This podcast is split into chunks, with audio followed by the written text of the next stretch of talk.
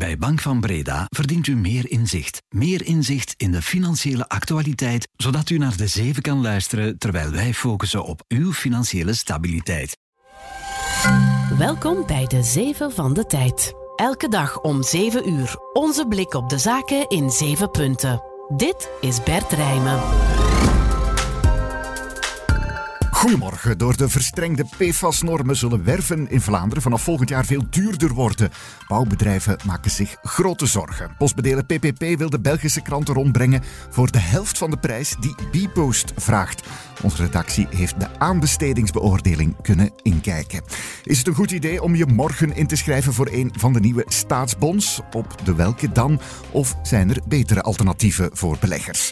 En in New York is een passagiersvliegtuig geland dat over de Atlantische Oceaan is gevlogen op frietvet. Of toch zo goed als. Heeft zo'n duurzame kerosine een toekomst? Het is woensdag 29 november. Welkom.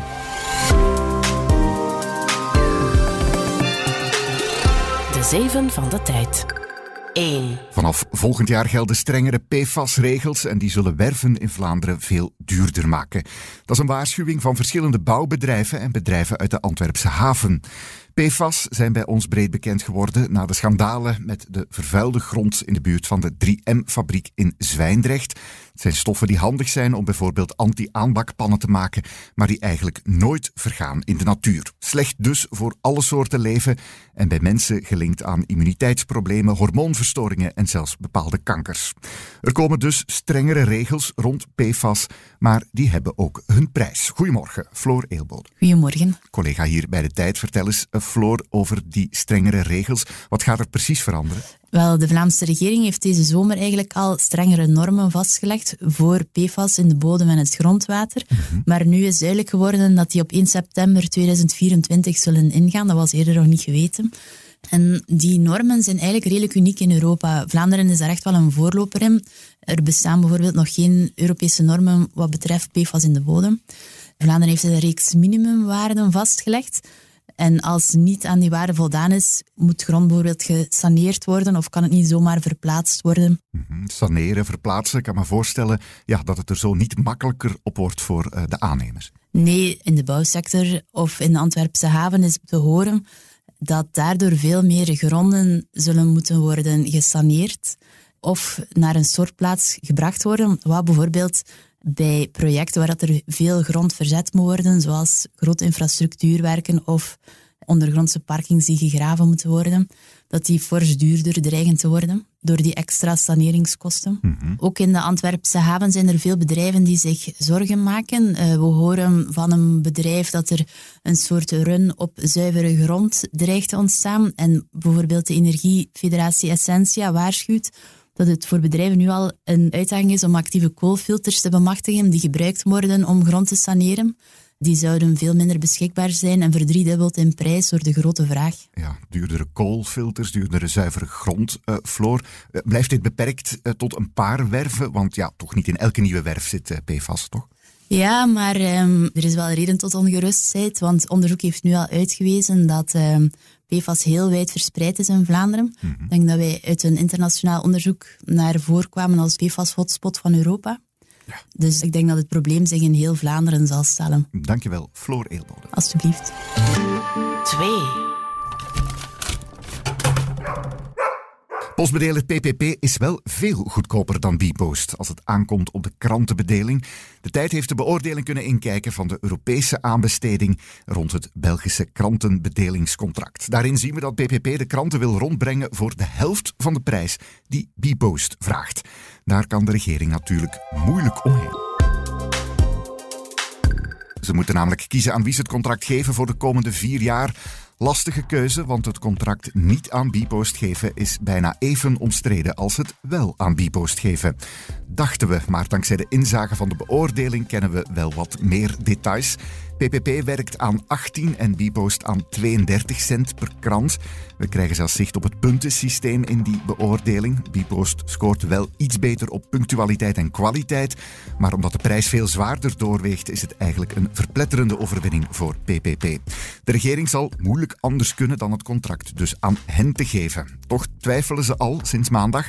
De vakbonden voorspellen een sociaal bloedbad bij Bpost als de krantenbedeling daar verdwijnt. Het is mogelijk dat er vandaag al een beslissing valt. 3. He cares more about what happens to Berkshire than he cares about what happens to his own money. He's giving all his own money away. Anymore. Je hoorde Charlie Munger praten over meesterbelegger Warren Buffett. En die laatste is ongetwijfeld in rouw vandaag, want hij heeft zijn compagnon de route verloren. Munger is in het ziekenhuis in Californië overleden. Hij was 99. Warren Buffett geeft meer om Berkshire Hathaway dan om zijn eigen geld. Dat geeft hij gewoon weg, zei Munger in de quote daarnet.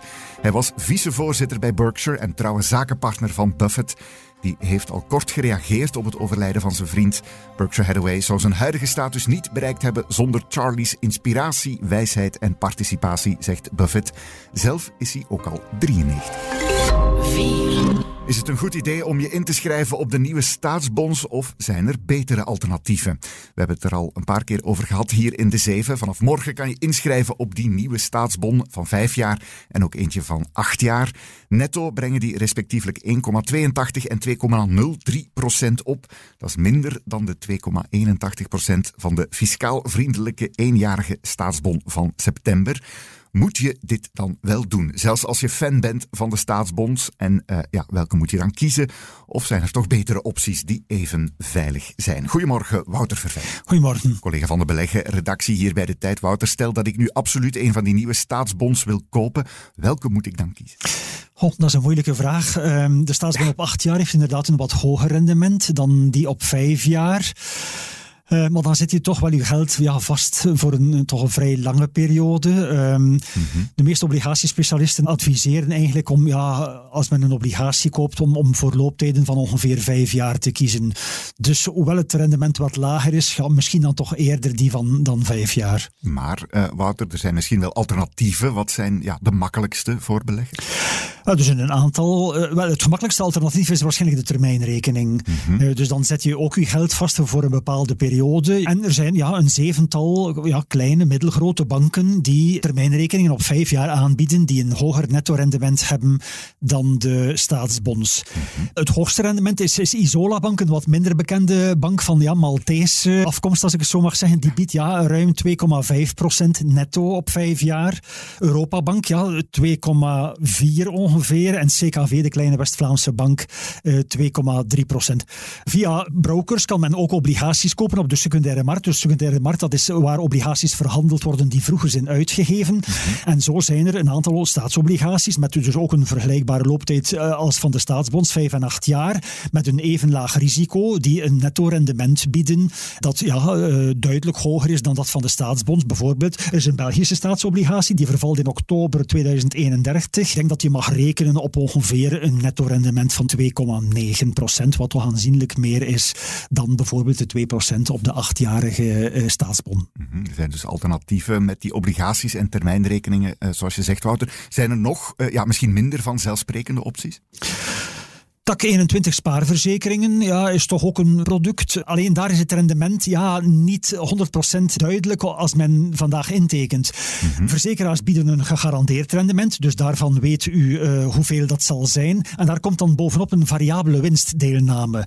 Maar goed, ja, dat kan niks zijn en dat kan ja, enkele tienden of, of meer zelfs zijn in de komende ja. jaren. Dus dat is ja, eigenlijk onbekend. Nu, daar moet men wel rekening houden met een aantal kosten en taxen. Uh, dus wie een tax 21 spaar verzekering koopt, betaalt 2% tax bij, bij storting. En meestal worden ook instapkosten aangerekend. Dus dat drukt natuurlijk uh, het netto rendement. Dat is een verschil met termijnrekeningen, waar er geen instapkosten zijn en ook geen tax, behalve dan natuurlijk de roerende voorheffing. Oké, okay, die tak 21, uh, ook een alternatief dus voor de staatsbonds, maar eentje waar je dan toch even beter naar moet kijken. Dankjewel, Wouter Verven. Graag gedaan. 5. Het Amerikaanse softwarebedrijf Salesforce zet volop in op artificiële intelligentie met chatbot Einstein GPT. En straks zullen we weten of dat ook een goede strategie is. Want vanavond na beurs in de VS publiceert Salesforce zijn kwartaalresultaten. Voorkennis.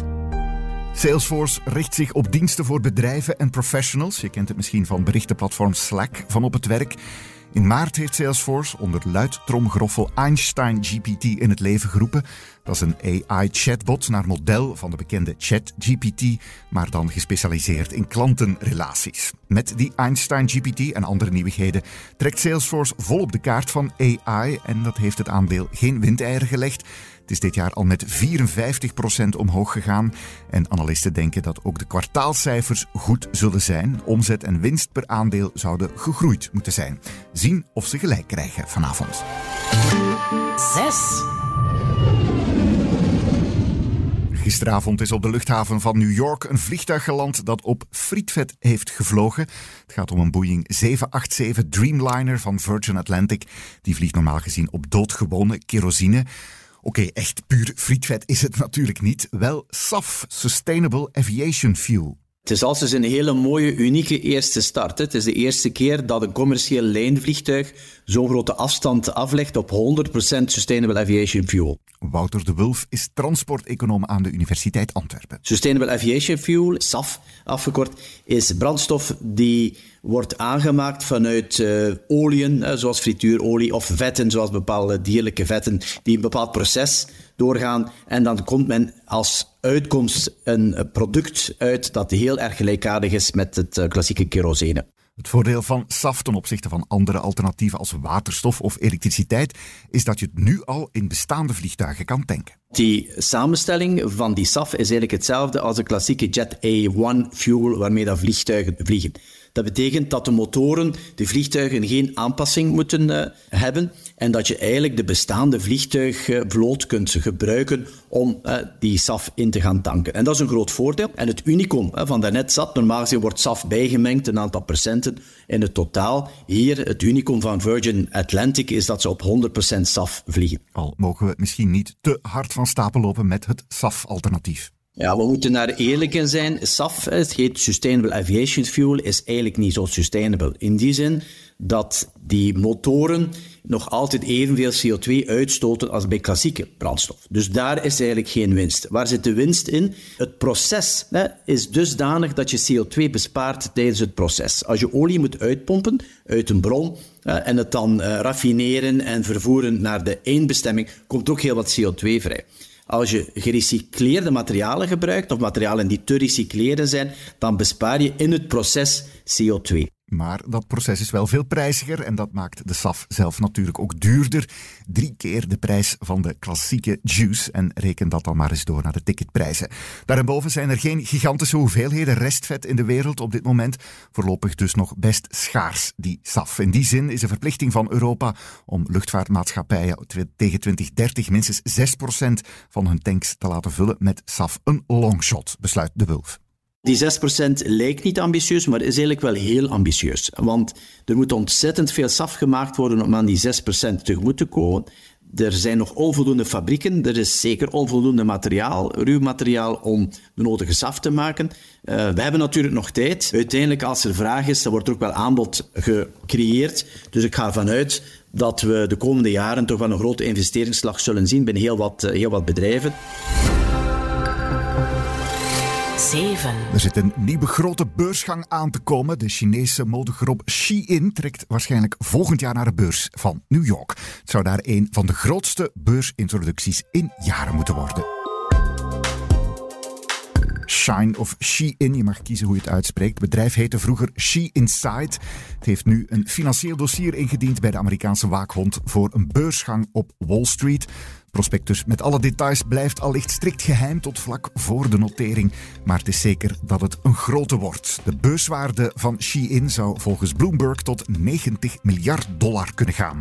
Kan een opkikker worden na de tegenvallende IPO's van ARM, Birkenstock en Instacart. En na een lange periode met over het algemeen weinig nieuwe noteringen. Shein heeft ook pittige groeiplannen. Het wil op termijn een volwaardige e-commerce rivaal worden van Amazon en consorten. Al is er ook controverse. Shein op schaamteloos binge-shoppen, aangestuurd door gepersonaliseerde algoritmes met nieuwe marges en met spotgoedkope stukken in de aanbieding. Het bedrijf wordt ervan beschuldigd het niet heel nauw te nemen met de arbeidsomstandigheden, ook modeontwerpers te plagiëren en zijn Chinese roots weg te poetsen.